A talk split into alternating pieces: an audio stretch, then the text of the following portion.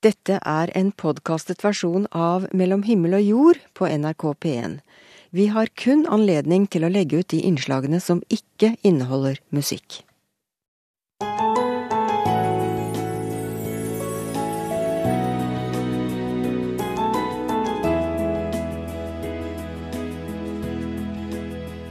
Og jeg har jo hatt mange flotte kirkelige opplevelser, men jeg, jeg måtte ut og finne det et annet sted. Og da ble alternativmiljøet, New Age, et viktig incitament da, å lete i.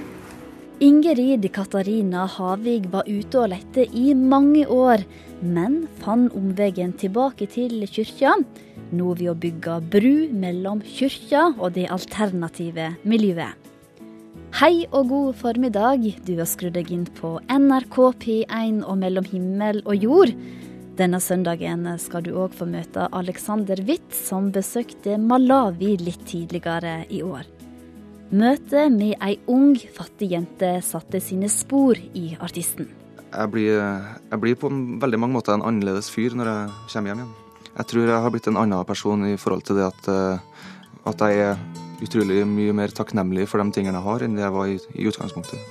Mellom himmel og jord med Camilla Kjønn Tingvoll.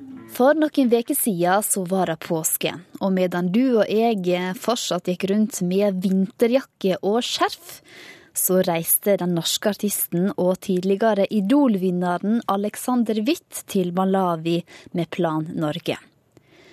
Mange barn i verden har en tøff barndom, med lite leik og moro, og mange opplever heller aldri å få gå på skole. For å gi fattige barn ei framtid, så skal Alexander Witt og flere artister kjent gjennom Idol motivere nordmenn til å bli planfaddere på TV 2 i kveld. Alexander glemmer aldri ei ung jente som har møtt på turen til Malawi. Rose heter hun, på 16 år. Hun eh, har jo hatt det utrolig tøft. Hun har mista begge foreldrene sine. Eh, så hun eh, bor i en eh, leirehytte sammen med sin bestemor og sin yngre søster. Og søstera har akkurat fått en liten gutt. Søstera var elleve år når hun ble gravid med, det barnet. Det er jo helt utrolig. Det er ingen farsfigur inni bildet der, så det er liksom de tre jentene og den lille gutten. Og så er det for så vidt Rose som på en måte må ta ansvar og forsørge. Da. Et møte mellom to mennesker. Alexander 25 år fra Norge og Rose 16 år fra Malawi. Begge er unge, men hverdagen er likevel så forskjellig. Jeg jobber litt på SFO, og der møter jeg jo eh, unge mennesker. Men eh, jeg tror de bekymrer seg for litt andre ting enn det Rose eh, gjør. Det er mye bekymring i å ikke ha den siste Justin Bieber-låta. Jeg tror ikke det er så stort tema her. Rundt påsketider reiste den norske artisten til Mulanje-distriktet i Malawi med Plan Norge. Malawi er et fattig land som ligger i Sørøst-Afrika. Mange av barna er foreldreløse fordi at mor og far har dødd av aids. Gjennomsnittsalderen er låg. 52 år for menn og 54 år for kvinner. Alexander fikk bruke mye tid med Rose under oppholdet. Do you spend much time worrying about your grandmother and your sister and her child? Når Alexander spør Rose om hun er bekymra for bestemora, sier hun at hun ikke tenker så mye på det vanskelige. Hun vet at Gud vil hjelpe familien, og at en dag vil alt bli bedre.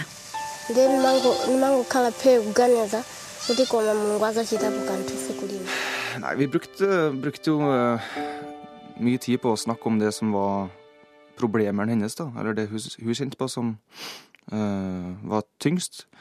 Og så brukte vi en del tid på å snakke om det hun syntes var bra også. Og det var f.eks. Uh, å synge i et kirkekor som hun var med i. Det var på en måte hennes store pasjon. Hun følte at hun kunne flykte litt fra virkeligheten når hun var med i det koret der. Da. Eh, så det var, det var kult. Der.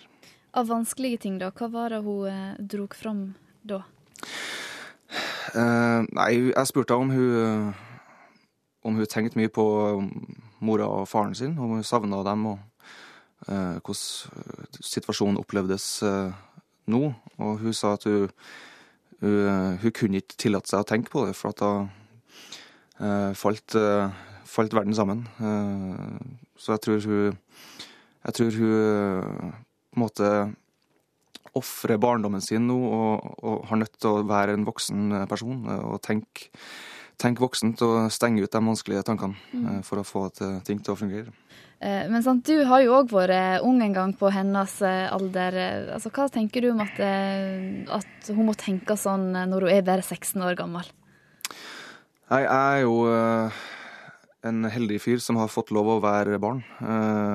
På alle mulige måter. På mange måter så er jeg fortsatt ganske barnslig i mye av det jeg foretar meg. Hun, hun, har på en måte aldri hatt muligheten til å være eh, barn. Hun, uh, hun er den personen som må ta ansvar i familien, og hun må forholde seg til utrolig vanskelige problemstillinger.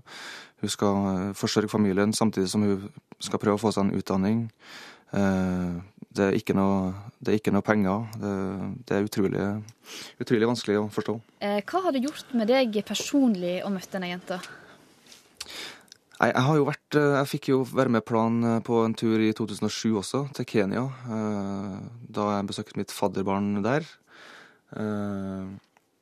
Og det gjorde utrolig sterkt inntrykk da han fikk malaria mens jeg var der, så jeg fikk være med han til legen og Sørga for at han fikk den medisinen han trengte, og er frisk den dag i dag. Uh, det var en utrolig opplevelse. Så når jeg fikk dra tilbake igjen til Afrika den gangen her, så var jeg litt mer forberedt på hva jeg møtte, men det er jo en ny, en ny person og en ny historie. Så, og det var, det var sterkt å høre hennes historie også. Jeg, jeg, blir, jeg blir på veldig mange måter en annerledes fyr når jeg kommer hjem igjen. Ja, hva mener du egentlig med det? Jeg syns det er vanskelig å forholde seg til hvordan man skal eh, Man kan på en måte heller ikke få dårlig samvittighet for det livet man lever hjemme her, sjøl om uh, dem nede der ikke har muligheten til å leve det samme livet. Man hjelper på en måte ingen med å uh, gå rundt og ha dårlig samvittighet. Uh, men jeg tror jeg har blitt en annen person i forhold til det at jeg er bevisst på måtene jeg kan hjelpe Eh, og at jeg er utrolig mye mer takknemlig for de tingene jeg har, enn det jeg var i, i utgangspunktet. Mm. Hva for eksempel å gjør deg eh, mer takknemlig nå enn det, det du eh, opplevde før du reiste på denne turen?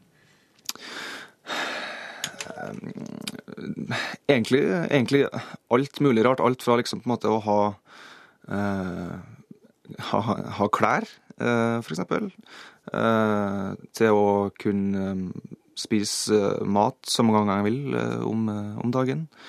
Til å ha en seng å ligge i. Sånne helt enkle ting som man ser at ikke tas som en selvfølge nedi der. Hva er det som motiverer deg til å være med på et sånt prosjekt? Det skal ikke mye det skal ikke mye til for å få med meg på, på sånn, et sånt prosjekt. Nå har jeg jo vært med på det før, så jeg vet hvor fantastisk eh, det er. Hvorfor det? Hvorfor eh, er dette noe som du eh, brenner for? Jeg kan ofte tenke at det jeg driver med, er gjennom musikk, da. Jeg kan virke litt sånn der Jeg føler ikke at jeg gjør så mye her i verden, liksom, med, med den musikken min. Men det her føles som noe som er veldig stort og verdt å være med på, og som på en måte utgjør en forskjell for noen. Eh, så den følelsen syns jeg er spennende. Mm, det at du eh, får gitt noe helt spesielt tilbake til verden? Da. Ja, og så blir det så konkret når man får være med og se eh, hvordan forskjell det gjør i folks liv. Da. Så det, det er givende. Alexander Witt er glad for at han eh, kan få være med og hjelpe fattige barn til å få ei bedre framtid, og sjøl er han fadder til en gutt i Kenya. I kveld inviterer han og flere av idolkollegaene hans til musikalsk aften på TV 2, der målet er å rekruttere flere planfaddere. Du, hva tenker du når du hører at det har vært et møte mellom en biskop og en healer? Nei, det er kanskje ikke så ofte at det står på plakaten i de lokale kirkene. Men i Høvik kirke så arrangerte de i april et åpent stormøte mellom biskop Tor B. Jørgensen og healer Morten Eriksen. Reporter Kristin Norvoll Mork hun tok turen til denne kirkelyden, der de ikke er redd for å slippe til stemmer som tenker annerledes enn kirka. Men jeg, jeg kjenner at jeg har hatt en lengsel At det er noe mer. Denne lengselen fikk Ingrid Katarina Havig til å søke ut av kirka og inn i det alternative miljøet. Til slutt fant hun seg sjøl plassert med én fot i hver leir, noe som etter hvert føltes som en åndelig spagat. Liksom, nå revner jeg på midten og klarer ikke lenger. Så det har vært eh, slitsomt følelse av eh, utenfor, både her og der. Men så, så stemmer det for meg at uh, den er jo i kirken. Denne energien, kilden, livskraften. Så det å også være med og bidra til at kirken kanskje åpner mer for det alternative miljøet, det new age, åndelighet.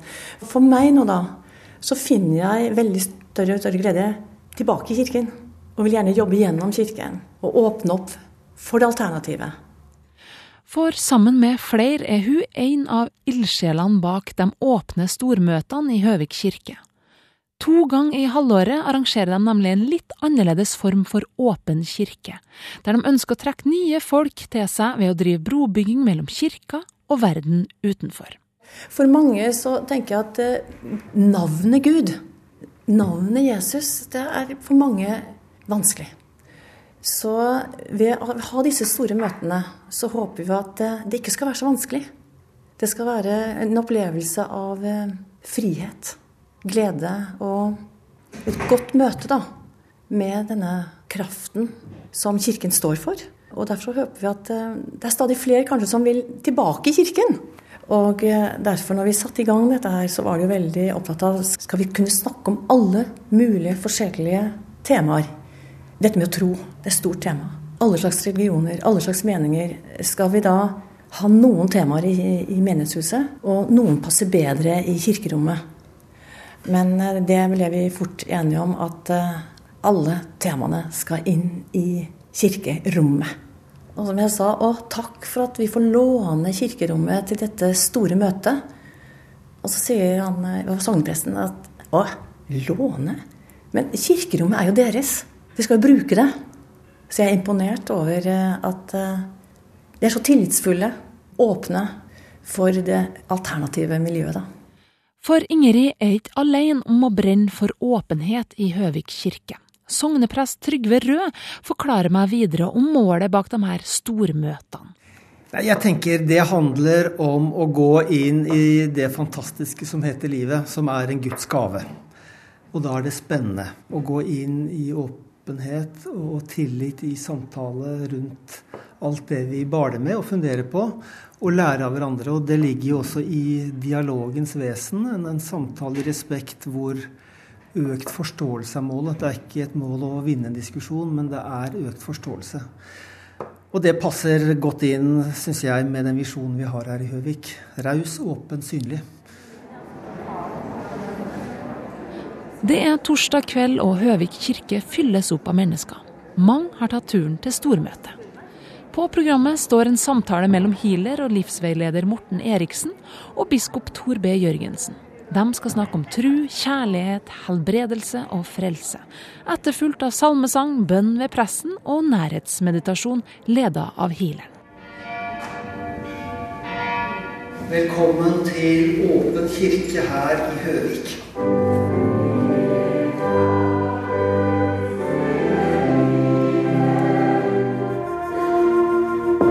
Kjenn at du hviler i hjertet ditt. Jeg syns jo dette var en stor opplevelse å få være med på. Og denne type brobygging eh, mener jeg er veldig viktig for oss framover. Biskop Tor B. Jørgensen tror det var flere enn bare han som fikk noe ut av dette møtet. Sitter igjen med en følelse av at denne nye åndeligheten og frykten som ofte kanskje Kirka har hatt til det, at vi er i ferd med å bryte igjennom til en uh, ny måte å forholde seg til hverandre på, lytte til hverandres erfaring og være med på å skape en frihet og et åpent rom, og samtidig også være med på å bryte ned barrierer og skape et nytt landskap for oss. Men Var det noe som du opplevde som utfordrende ved denne samtalen? Det er jo elementer i den alternative måten å forstå den andre virkeligheten på, som ikke stemmer, i anførselstegn. F.eks. dette med forskjellige liv en har hatt tidligere, og, gjenkjennelse på det. Det føler jeg meg fremmed overfor, og det ga jeg også uttrykk for i samtalen her. Men respekten da for hverandres syn i dette, tenker jeg eh, var godt å merke. Eh, og at vi kan tenke videre på det. Selv om ordene er forskjellige, så er en ute etter den samme virkeligheten, tenker jeg.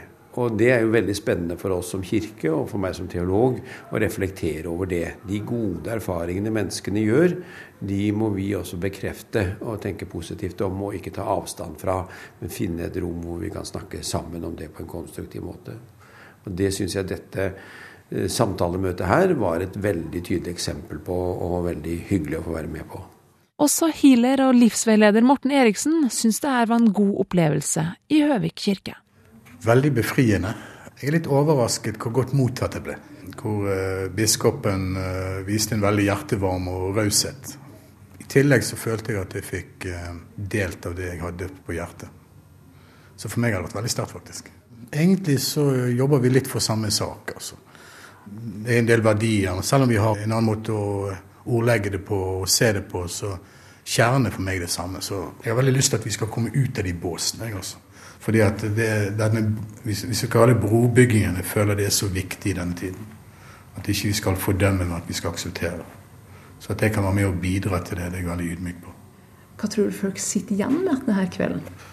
Jeg tror folk har uh, senket skuldrene sine litt. For veldig mange av de, de frykter egentlig Kirken. Så jeg tror det var veldig kjærkomment å få lov til å komme inn.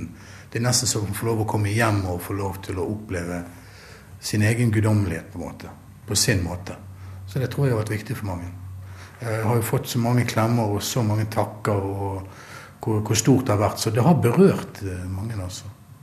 Hvordan har det vært for deg å være på dette møtet? Det har vært helt fantastisk. Det gir håp for Den norske kirke. Jeg syns det er helt fantastisk. Jeg kjenner jo Morten godt, jeg har fulgt hans meditasjoner i mange år. Men jeg syns det var veldig flott dette med biskopen som eh, for meg hadde et veldig positivt syn på hvordan man kan jobbe sammen og, og tenker i samme baner. Det er veldig hyggelig å se på en måte alternativ tenkning hvor likt det egentlig er i forhold til folk som er innenfor den religiøse tro. Fordi selv om man bruker litt forskjellige ord, så går det veldig mye tilbake til det samme budskapet. All respekt for denne kirken som tar imot eh, det alternativet på denne måten her, og for at eh, Morten Eriksen eh, tør å trå inn i dette hus.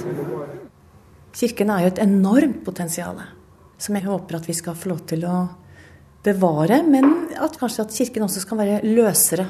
Løse litt opp i rammene. Budskapene skal stå, men at eh, rammene kanskje er under endring. Men ha aksept for hverandre. Og være nysgjerrige. Så at eh, det er ikke meningen å forstyrre og ta bort noe som har vært bra. Det er meningen at vi kan gjøre ting enda bedre. Og enda mer tilgjengelig for eh, alle. Det er jo det vi ønsker med disse møtene. Det var initiativtaker Ingerid Katarina Havik vi hørte til slutt her, i samtale med reporter Kristin Norvoll Mork. Du hører på Mellom himmel og jord i NRK P1. Og lytter du fast til Mellom himmel og jord, så har du hørt eh, at Gro Steinsland er innom fra tid til annen for å øse av sin kunnskap om norrøne myter. I dag skal vi høre om ei gammel folkevise. Draumkvedet ble skrevet ned på 1800-tallet, men det kan ha gått fra munn til munn lenge før det. Det handler om en, en, en, en, ung mann, Olav, Olav Ostesson, som legger seg til å sove på julaften. Han sover i 13 døgn, han våkner ikke før 13 dagen. Altså er det 6. januar. Han sover seg gjennom hele juletiden. Og når han våkner, så saler han hesten sin og rir til kirke. Og der inne er det fremdeles uh, julemester, det siste dag jul. Han setter seg i kirkedøren og forteller om synene sine. Han har vært ute på en visjonsreise, kan vi si. Sjelen hans har vært på ferde i rikene som menneskene først kommer til etter døden. Han har vandret til det dypeste helvete. Han har vandret til det lyseste, øverste himmel, himmelriket. Han har sett dommen som skal stå over menneskene etter døden, eh, og han er rystet av disse opplevelsene. Han sitter i kirkedøra og forteller ja. om, eh, om, sin drøm.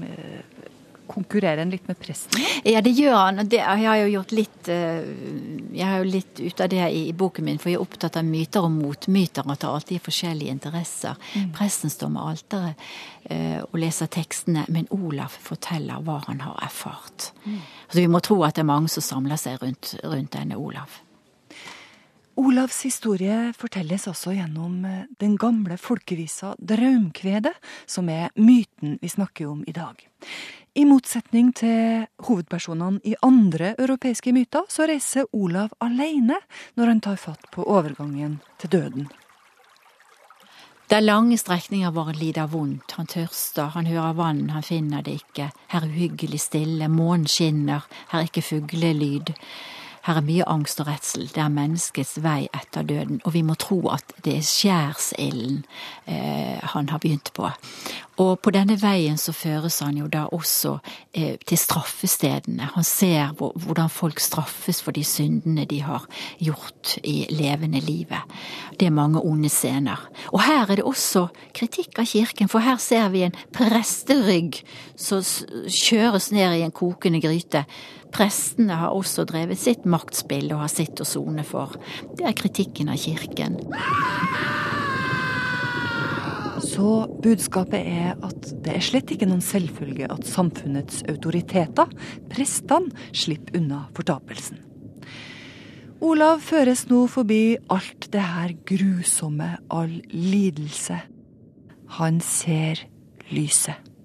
Den som representerer Gud først og fremst for Olav, det er jomfru Maria. Det er jo igjen middelalderens eh, kristendom. Og hun er, kalles for hans gudmor. Har omsorg for han og sier, og forklarer hvordan han nå skal gå videre. Og da skal han til et sted som kalles for Broksvalen, for der skal dommen stå. Fæle syner står foran Olav. Grutte Gråskjegg, bedre kjent som Djevelen, kommer ridende på en svart hest. Fra sør, på en hvit hest, kommer en annen, hvit skikkelse. Det er Sankt Mikael. Og så skal de dømmes, alle sjelene, på vekten. Dette er jo et bilde på menneskenes gode og onde sider. Og så er det det at eh, den folkelige Mikael Sankt Sålemikkel, som han heter her, han er en sånn vidunderlig skikkelse, for han tusker litt med vekten, han. Det hender at når det går i disfavør av den enkelte, så legger han tyngden sin litt på, sånn at de gode gjerningene veier mer. Det er i hvert fall det som sies om ham. Men i denne scenen her er det stort alvor. Mennesket skal stilles for en dom. Men så sies det til slutt da at eh, Sankt Sålemikkel han veier alle syndesjelene hen til Jesus Kristus.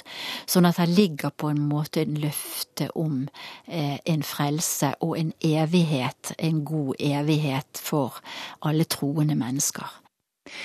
Ikke det at fortapelsen er fraværende i drømkvedet, nei, absolutt ikke. Her er det grusomheter i bøttevis, sier Gro. Men drømkvedet i sin helhet er liksom de gode gjerningers evangelium. Men så er det jo slutten som jeg syns er så fabelaktig, og som gjør at de kaller drømkvedet for de gode gjerningers evangelium.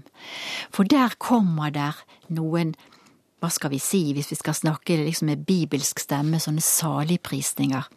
Sel er den i føsheimen, fattige gjeve sko. Sel er den i føsheimen, fattige gjeve ku. Og så går det videre. Salig er den som i dette livet har gitt de fattige sko eller ku eller brød eller korn eller mat eller klær. Det er det som på en måte står igjen som menneskesynet og gudsbildet, tenker jeg, i dette diktet. Det er ikke høytravende teologisk, det er ikke mystikerens møte med Gud, det er de gode gjerningers evangelium. Den som har gjort vel mot sin neste, trenger ikke frykte døden. Og jeg tenker meg inn i en, eh, i en samfunn og kultur som ikke var et velferdssamfunn. Vi kan i dag ikke forestille oss hvor mye nød og sykdom det har vært, og hvor mange som trengte hjelp. Og da har dette diktet vært en enorm oppdrager til gode gjerninger, til å se sin neste, ikke bare sin nærmeste familie, for det er jo lett, men det var å se alle de som var utenfor, som ikke hadde noen, som kom til gårds og var fulle av sår og verk, og det var tiggere og så videre. Og der går drømkvedet inn og sier at det er menneskets eh, plikt på jorden, og da trenger man ikke frykte noen ting. Og jeg tenker meg til slutt at dette er nesten litt moderne, fordi at hvis vi tenker på en religionsfilosof i dag som Emanuel Levinas, eh, som sier spennende ting, at Gud kan jo ikke menneskene forstå eller se så mye av, men vi kan ane det guddommelige i vår nestes ansikt. Det er nesten sånn det er i drømkvedet. Dette her var siste myten eh, Gro eh, forteller om, i denne omgang iallfall. Og blei du lysten på mer kunnskap om de gamle norrøne mytene, så finner du mange flere i boka til Gro Steinsland, Mytene som skapte Norge. The Lowell Sisters Band var aktive mellom 2005 og 2010, og består av Jessica, Megan og Rebecca Lowell. Og de tre framførte Please Search Your Heart i NRK P1 og Mellom himmel og jord. Og musikere som disse damene, de får uttrykt følelsene sine gjennom musikken. Men det fins òg de som bruker andre metoder for å nå ut med budskapen sin. Du har sikkert eh, sett skrifta på veggen når du er ute i bybildet. Dette er skribleri, gjerne malt med sprayboks som et budskap til de som går forbi, og vi kaller dette her graffiti.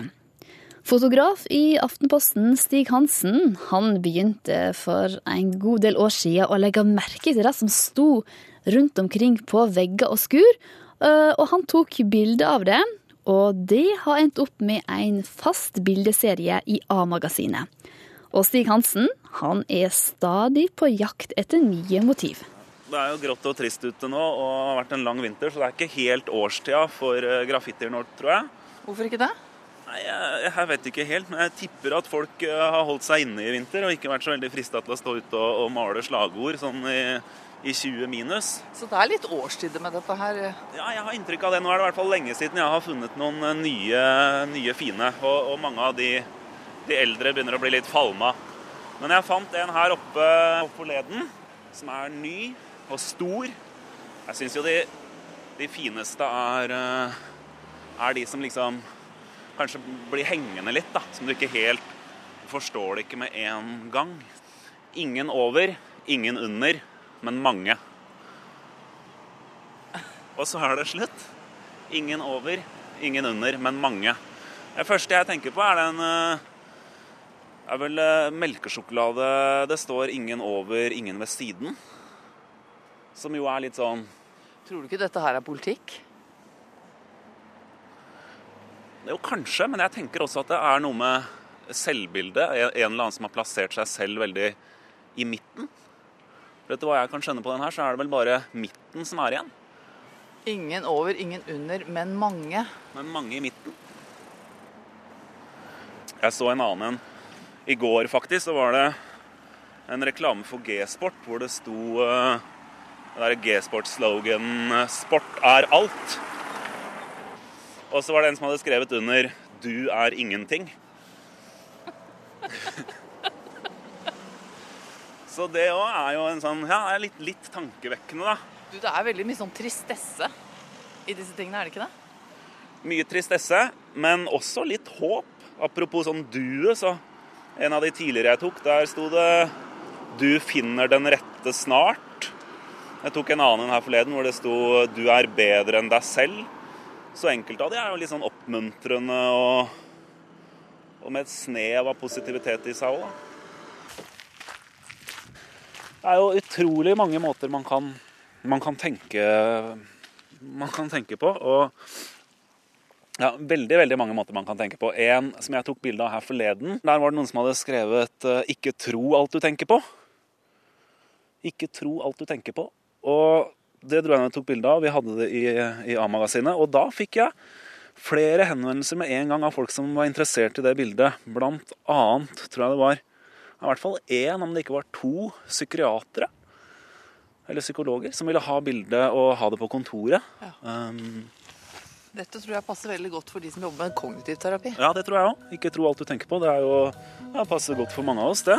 Det er jo lett å tenke feil. Du tror du holder på å bli gæren, men du gjør det ikke. Nei, ikke sant? Det er jo en fin trøst. Ja, det er en trøst. Det er mange som burde hatt det bildet hengende, kanskje. Og kanskje må nettopp du heretter stanse opp og lese om du ser en tekst som er rabla ned på et eh, skur. Det var Kirsti Kraft som var med fotograf Stig Hansen på jakt etter skriften på veggen. En søndag ligger framfor oss alle sammen, og jeg håper det at du får en fin dag der du er. Jeg heter Camilla Kjønn Tingvold, og jeg syns det er kjekt at du har hørt på Mellom himmel og jord denne tolvte dagen i mai.